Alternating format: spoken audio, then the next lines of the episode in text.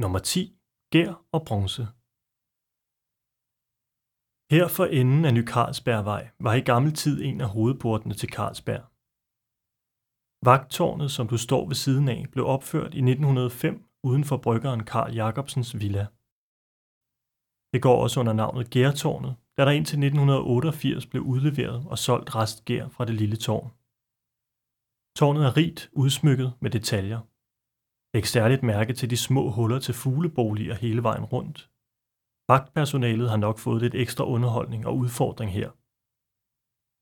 Det må være sket adskillige gange, at de har fået en fugleklat på jakken efter endt arbejdsdag, ligesom de helt sikkert har haft et smil på læben hvert forår ved synet af de mange småfugles første forsøg på at flyve.